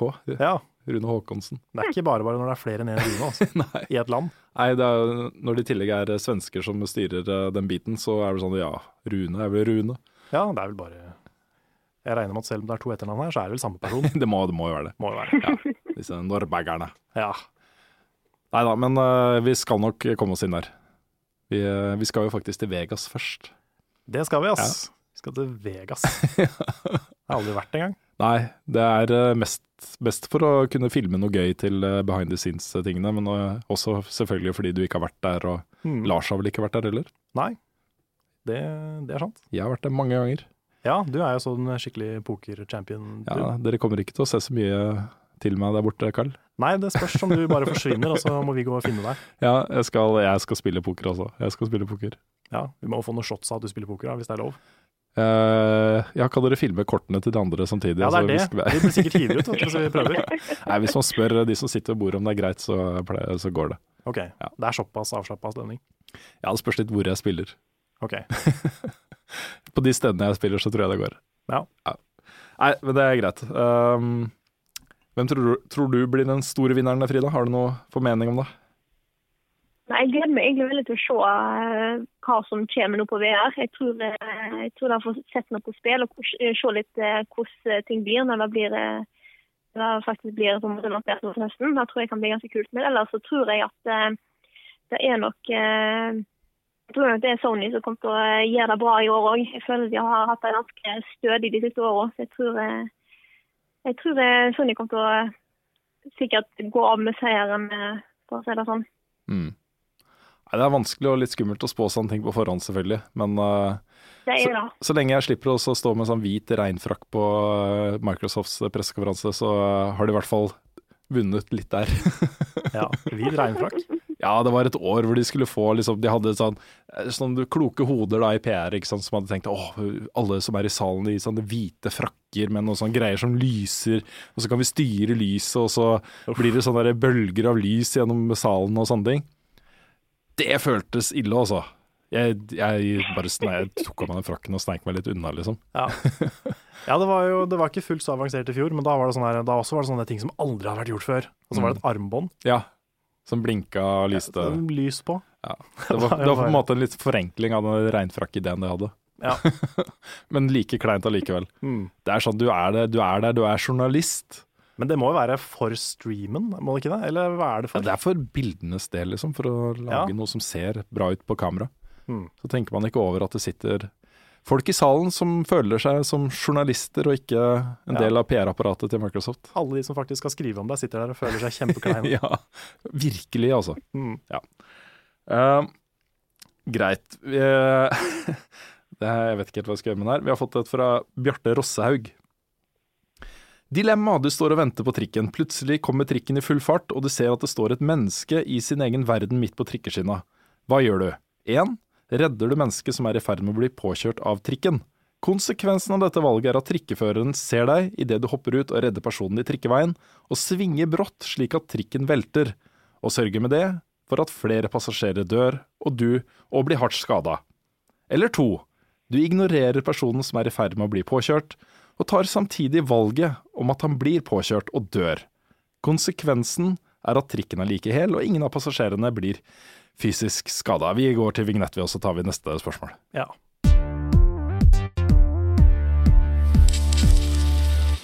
Martin André Radik eh, spør om vi har begynt å planlegge noe rundt årets Spillekspo. Noen tanker rundt opplegget i år, og det har vi jo.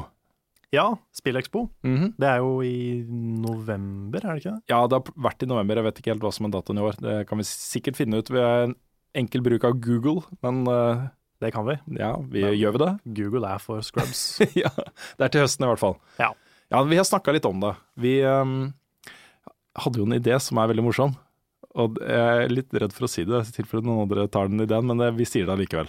Ok? Eh, vi, vi tenkte å ha liksom en, et hjørne på komplettstanden hvor vi har eh, vårt studio, da. Som kanskje ser litt annerledes ut, som er litt kult. Mm. Men det studioet står på en, en uh, tralle. It moves. It moves. Ja. Og så kan vi liksom oh. trille den rundt på Spillekspo og ha vårt studio. Uansett hvor vi er, så har vi studioet vårt. Og så føler jeg liksom, hvis vi går bort og spør om vi kan intervjue noen, ja. så må det være sånn at liksom studioet vårt skrangler skikkelig ja. høyt. Og så bare 'Unnskyld, kan vi intervjue deg?' Så sier han ja. Og så bare kommer studioet vårt rullende inn i bakgrunnen. Bråker som et uvær. Ja, ja, ja. Og så begynner vi intervjuet. Litt sånn blinkende lys Ja, ja. og Neonlys. Det hadde vært helt konge. Ja, det var kjempegøy. Mm. Nei, men det er, eh, det er mange gode grunner til å gjøre akkurat det. Mm. Jeg ser for meg litt sånn her eh, 17. mai-pynteting som du kan snurre med og sånn, og så Ja, ja, ja. sukkerspinn hengende. Det er kjempefint. Ja, det her kommer til å ta helt av. Mm. Nei, også, det er en billig måte å lage studio på. Uh, og så er det en praktisk måte å lage studio på, og så er det en uh, god måte å lage studio på. Så vi, eh, vi må få til det. Ja. Sitter det alltid en kid og spiller peggle? ja, alltid! Alltid. Alltid en kid. Ja, kanskje vi kan gå ut med en sånn konkurranse. Vi Vil du være vår Peggle-gutt? Ja. Peggle-maskott som sitter og bare spiller det i bakgrunnen på hvert eneste bilde. Ja, det er bedre enn å sette Bjørn til å gjøre det, f.eks. Ja, Bjørn kanskje kan gjøre det. Ja, kanskje. Jeg vet ikke. Ja. Men, eh, men det skjer jo masse morsomt på SpillExpo i år, og vi tror det kommer til å bli eh, det største SpillExpo til nå. Um, ikke minst så hadde vi jo jobba litt med gamer om Telenor-ligaen i det siste. Vi hadde jo en livestream fra CS-finalen der. Ja, det var jo great success. Det var great success. De har ikke helt bestemt seg ennå, men de eh, sikter jo mot at finalene eh, i høstsesongen skal gå på SpillExpo, som de gjorde i fjor. Og da kan vi jo ta og skrangle bort studioet vårt og til Midt i kampen. Midt i kampen. Hva, hva føler du nå? Skrangle, skrangle, skrangle, skrangle. skrangle. Hva føler du nå? Også med litt sånn her eh, lav Norge Rundt-theme. ja. Nei, så ja, det, det, vi skal gjøre masse der. Det kommer Mm. til å bli øh, dødsgøy. Så, så det, ja. Vi må selge is. Plutselig så er det bare sånn vi gjør ingenting. Vi dekker, vi dekker ikke SpillExpo. Nei, plutselig vi plutselig så er vi bare isbilen. bare, ja, vi er isbilen. Mm. Oi. Nei, det kommer til å bli gøy. SpillExpo har vært kjempegøy de siste årene. Det har det. Det Så- det har vokst skikkelig på bare noen få år. Ja, det har det. Og uh, i fjor hadde de en øh, real life øh, Sparrow fra Destiny også. Stemmer det. Ja, Det var der, det. det var der. Hmm. Memories. Nei, De snakker om at de skal utvide med flere haller og sånn, så øh, vi er veldig spente på, på konsept og hvordan det blir. Mm. En ting vi snakka litt om etter, i fjor, var jo at vi frykta litt at de skulle liksom begynne å blande inn masse kommersielle krefter og, og sånt. Ja, sant. Og begynne med liksom film og TV-serier og sånn i Ja. At det ble litt mindre spill, litt mer alt mulig rart annet. Ja. Men ja. Satser på at øh, de fortsatt beholder hovedfokuset på spillet, i hvert fall. Ja, jeg regner med det. Nå har det kommet masse norske utviklere opp og frem og, og sånt, og det må de gjøre noe med neste år. Mm. Og stort savn at de ikke hadde et indie corner på SpillExpo. Ja, det er sant. Det mangla de det Mm. året. Det må de få tilbake. Det- Ja, skal de feire norsk spillkultur, så må de jo få med alle disse flotte utviklerne vi har øh, fått. Mm. Og apropos det, så er det jo øh, Nordic Game i helgen. Det er det, og der er Jon Cato. Ja, han er det. Han har til og med sittet i juryen for uh, disse spillprisene, som jo er veldig viktige for nordiske spillutviklere. Så uh, det blir spennende å se. Han skal lage video fra, derfra for oss, Ja. som kommer i episoden. Jon Cato-reportasje fra Nordic Game, Ja, det gjør det. Uh, kanskje han intervjuer eh, en jurydeltaker for eksempel. seg selv. Seg selv, ja. Ja, nei, dette, jeg vet ikke. På split screen. Mm. Mm. Dette her kommer bli morsomt, Frida. Nå, må du, nå skal vi teste hvor eh, selvutleverende du er. For vi er ganske selvutleverende i dette programmet. OK, nå ble jeg også nervøs. Kasper Torstensen spør hva er deres flaueste minne? Å. um, jeg, um, har, har, jeg har stått en del på scene og sånne ting, for jeg har gått uh, musikklinja. Spilt fløyta i mange, mange år. Uh, og det var vel eh, Jeg hadde en konsert sammen med fem-seks andre fløytister. Og vi sto på scenen eh, og skulle til å begynne. Eh, og jeg innser at jeg ikke Jeg mangler ene notearket mitt. Og da står jeg på scenen der, og kan ikke, du kan ikke improvisere nødvendigvis. Og det er jo viktige stemmer jeg har, så jeg står der og ser på de andre og ser at nå finner jeg ikke ene notearket mitt. Og eh, fikk litt sånn smått panikk der, da. Eh, Så da snur jeg meg til publikum og sier at eh, jeg kan dessverre ikke finne noten min, så jeg må bare gå på bakrommet og lete litt. Oi, Så da måtte jeg bare, så da bare abandona jeg de som sto på scenen der. Jeg sa vel til de underhold publikum eller et eller annet, og så bare sprang jeg. Så det var må, må ha vært helt grusomt for de som sto der. Eh, og jeg, jeg sprang bak og fikk helt panikk. Det var, det var ganske grusomt. Den kom, fant heldigvis noten, kom inn igjen da. Men det var noe av det flaueste jeg har vært borti. Det var jeg, eh, ja. Hvordan var det å komme tilbake da og så spille Nei, jeg var jo eh, Jeg eh, på en måte skalv litt. Det tok litt tid før jeg fant den noten. Så jeg fikk litt sånn Nei, nå kommer jeg til å ødelegge for alle de andre som jeg, jeg skal spille med og greier. Uh, heldigvis så var det de som var i publikum, var eller mange av de kjenner jeg godt fra før av. sånn at det, var, det er jo greit, jeg bare lo av det, men det var, det var ganske fæl følelse. altså. Tenk om du da i tillegg hadde liksom kommet opp der, funnet not- not- notearket ditt, vært kjempenervøs, og så bare spilt helt falskt. Ja, for eksempel. oi, oi, oi. Men uh, cred for at du gjennomførte, da. Ja, det var bra. Det er sikkert mange som bare hadde fått panikk og gått av scenen. Ja. Nei, det er uh, Uff. Ille. Nå er det din tur, Karl.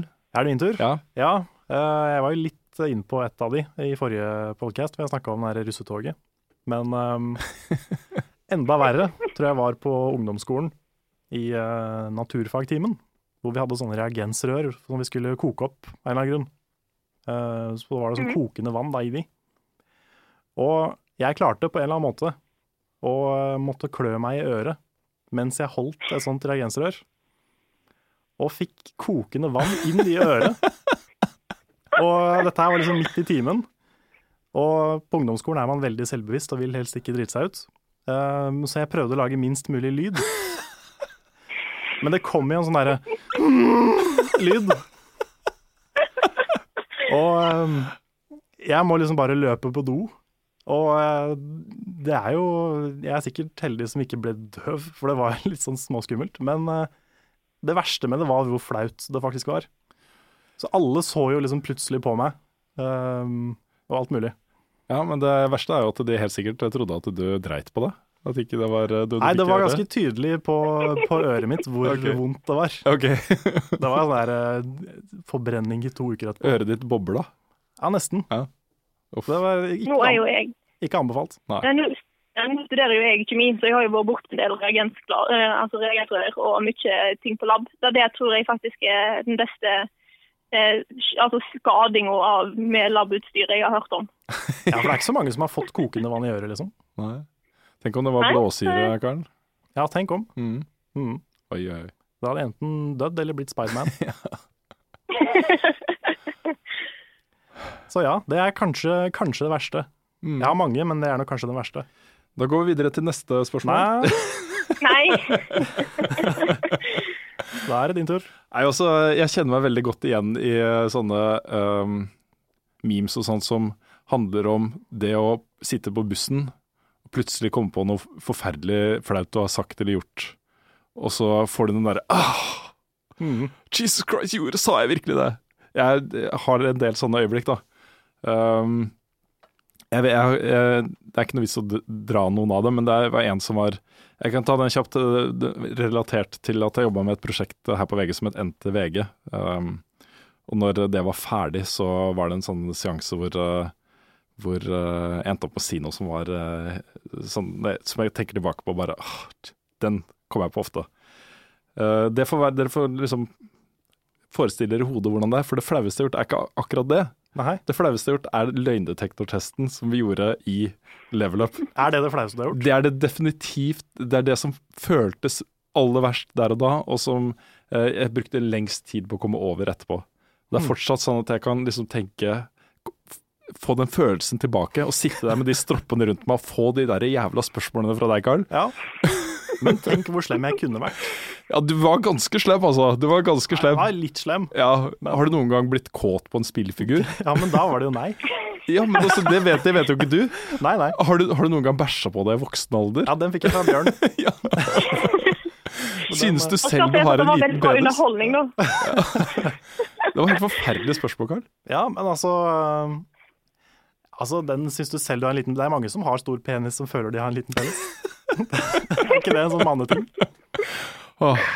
Altså, be- det, beste, det spørsmålet som jeg likte best, eller som var liksom morsomst av dem, da, for jeg syns de spørsmålene du hadde klart å lage, var mye morsommere enn de jeg hadde klart å lage, så det var bra du vant for TV-underholdningens del, liksom. Du hadde noen skumle du òg, Ja. som jeg fikk vite etterpå. Jo da, men uh, jeg syns det søteste spørsmålet ditt var uh, Rune, du har flere ganger sagt at du er gammel nok til å kunne vært faren min. Hvis jeg var sønnen din, ville du vært stolt av meg da? Ja, Og det å sitte der liksom med de stroppene rundt deg, alt der og skulle svare på det, det er fitte rakkeren, altså. men det var, det var en morsom dag. Og så lå det jo, må høre med til en del av historien, at lenge, i hvert fall et døgn etter at det her ble fronta på veggene, så lå jo det et bilde av meg i løgndetektor på forsiden av VG-nett med eh, Har du noen gang blitt kåt av en spillfigur? på forsiden av VG, VG-nett! forsiden av VG. Ja. ja. Oh. Men det er, der er jeg også litt fornøyd. Sånn, uh, første gang ansiktet mitt var på fronten på VG. uh, det var jo noe jeg aldri trodde skulle skje til å begynne med.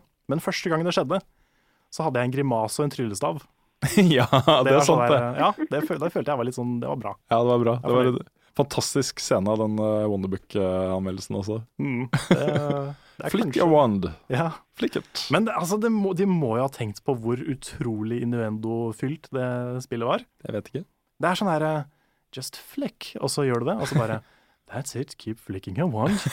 Yes, you've definitely got the hang of it. Og det blir bare verre og verre. Så noe må de ha tenkt på der. Ja, helt sikkert. Thomas uh, Borisjevskij eh, har et spørsmål til meg, som dere gjerne må få lov til å bidra med, dere også. Hva tenker du om fremtiden til Metal Gear etter at The Phantom Pain er sluppet i september? Og hva slags forventninger har du til spillet? Og fremtiden til Metal Gear er jo høyst usikker, vi har snakka litt om det tidligere. Eh, det er vel ganske eh, etablert nå at eh, Hideo Kojima ikke skal være involvert i å lage flere Metal Gear-spill. Man skal aldri se aldri med den fyren og med den serien, men det virker jo som om han er på vei ut av Konami. Og det er jo Konami som eier rettighetene til Metal Gear. Mm. Konami sier jo de skal lage flere Metal Gear-spill, men de sier jo samtidig at de nå skal slutte å lage store konsollspill og bare lage mobilspill. Ja, da blir det Metal Gear Mobile, da. Ja, et eller annet. Mm. Det blir uh, en, et eller annet, jeg vet ikke, VR uh, Det blir sikkert Metal Gear Crush Saga. Ja, Det blir det beste spillet i serien. ja tre, få tre Metal Gear X på rad, så får du Mm. godteri. Jeg vet ikke. Så ja, så vinner du avhengighet og elendighet. Nei, jeg, jeg, jeg, det føles Det føles på meg som om Metal Gear-sagaen konkluderes nå. Det gjør det. Uh, og sånn eh, timeline-messig så fyller jo også eh, The Phantom Pain hullet mellom de spillene som er lagd til nå, og de spillene uh, Også mellom de to tidslinjene som er fulgt, da. Um, så det gjør liksom hele storyen komplett. Eh, og så har du jo Metal Gear Solid 4 som konkluderer det ordentlig, liksom. Den er, den er jo den er jo en slutt. Det er jo slutten. Ja. Det var jo eh, helt tydelig at eh, Hideo Kojima nå prøvde å bare legge serien død. Uh, and they pulled him back in. Yes. Så um, uh, Så jeg forventer ikke å se noe nytt epic Metal Gear etter Phantom Pain. Nei. Nei, det blir jo ikke det samme uten Kojima. Nei, han er Metal Gear. Mm. Han er det, altså. Uh, han har helt sikkert innmari flinke folk han jobber med, og ikke minst på teknisk side og alle disse tingene her. Men det føles som tonen i spillet og liksom de, alle de dramatiske historiedelene og sånt er noe han pisker gjennom. Noe Mm. han brenner for og, og får inn der. da. Mm. Uh, også mye av den humoren. Den, den rare, sære humoren. Og, som ofte da krasjer fullstendig med det veldig dramatiske som eh, skjer i de spillene. Mm. Så det er eh, eh, Ja, fallhøyden er så stor. Jeg vet ikke engang om noen som hadde turt å prøve.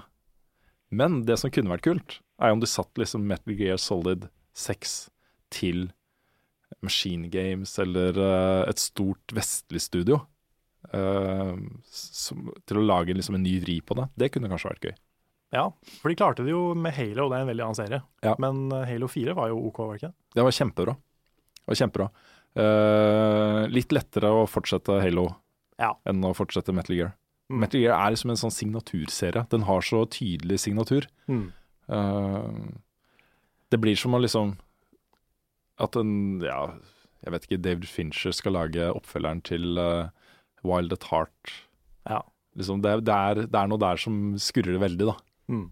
Så Ja. Jeg har en følelse av at Hideo Kojima kommer til å bli uh, tidenes indie-fyr. Ja, nå. Ja, det hadde vært kult. Åh.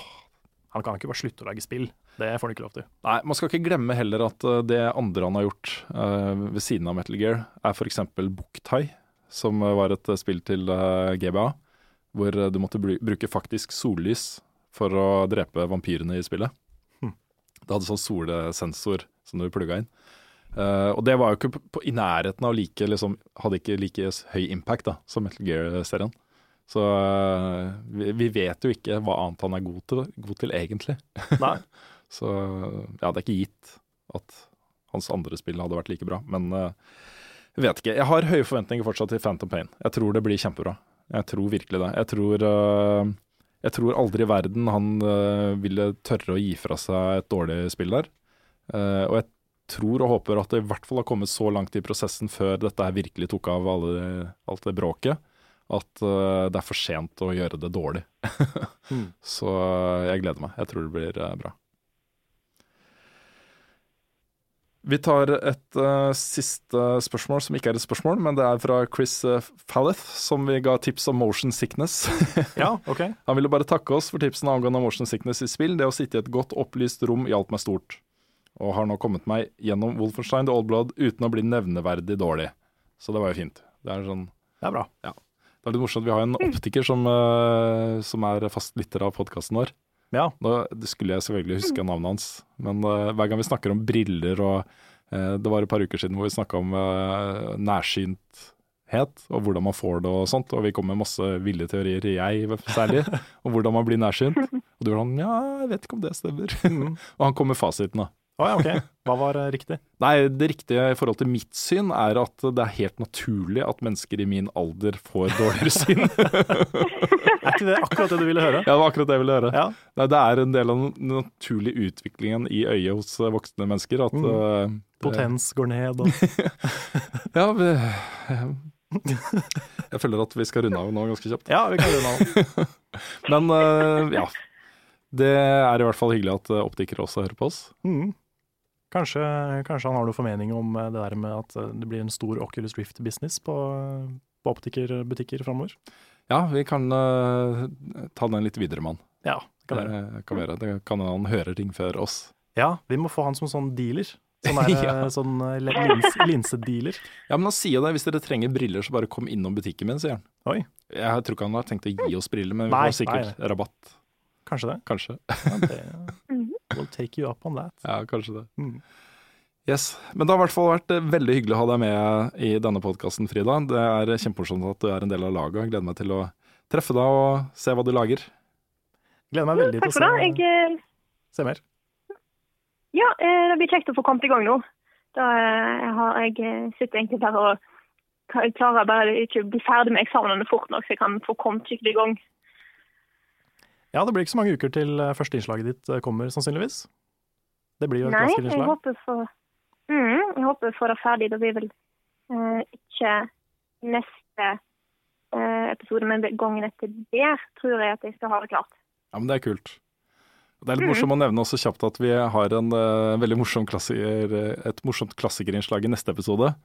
Fordi Det det sitter jo en fyr på VGTV, han er fast ansatt i VGTV. Han kom bort til oss en dag og sa Hei, hei, jeg heter Benjamin. Jeg jobba faktisk i Game Reactor før, sammen med Yokato blant annet. Og eh, jeg har jo veldig lyst til å lage noe for dere. han er sånn super spillinteressert og er liksom litt sånn eh, lei seg for at han ikke jobber sammen med oss, da. Eh, Så han fikk lov til å- lage et klassikerinnslag for oss. Ja, så vi får faktisk et gjesteklassikerinnslag i Ja, neste episode. det. episode. Og det, er, det kan bli veldig bra. Ja, det kan bli veldig morsomt. Så, så det gleder jeg meg til. Mm. Så det blir en del nye ansikter da i Level Up. Det kan det fort bli. Det er morsomt. Mm. Yes, skal vi egentlig bare takke for oss og si ha det bra? Det kan vi gjøre. Eh, takk så mye til alle som har eh, hørt på. Og tusen takk igjen til Frida for at du stilte opp i, uh, i podkasten. Bare hyggelig. Vi må nevne én ting forresten, som jeg glemte. Ok? Eh, og det er The Witcher 3. Vi sa jo i forrige Ja. episode av Level Up at vi skulle anmelde deg denne uka her.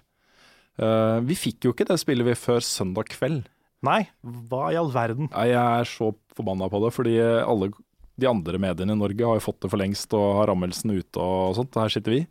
Eh, Så vi, jeg sendte det over til Svendsen på søndag kveld, og han trenger jo litt tid på å komme seg gjennom det spillet, og så skal han jo lage en videoanmeldelse av det i tillegg. Så eh, han kunne nok tidligst hatt det klart fredag-lørdag. Og da er det jo så kort tid til neste episode at eh, jeg tipper vi nok venter. Mm. Så hvis det er noen som hører på som lurer på hvor det blir av The Witcher 3-anmeldelsen, så har dere fått svar på det. Den kommer. Den er under arbeid. Vi regner med at den ikke er klar før neste episode. Riktig. Og der er det jo viktigere at den anmeldelsen blir bra, og så at han får jobbe med den skikkelig og lage noe som han er fornøyd med, Mm. enn at vi stresser med å bare få ut noe. Ja, for liksom de største amerikanske mediene har jo anmeldt det spillet for ukevis siden allerede. Ja, ja. Så um, det er noe dritt. Ja, jeg blir så oppgitt over det, altså. Mm. Vi fikk faktisk den, eh, den versjonen av spillet som eh, de skulle sende til oss for to uker siden. Den kom i går, eller var det i dag? I dag I dag? Ja. I går kom den. Ja. Men eh, det er jo fortsatt for sent. Så Nei. Jeg finner det sånne ting det stå på. hm? Jeg finner det sånne ting som det står på.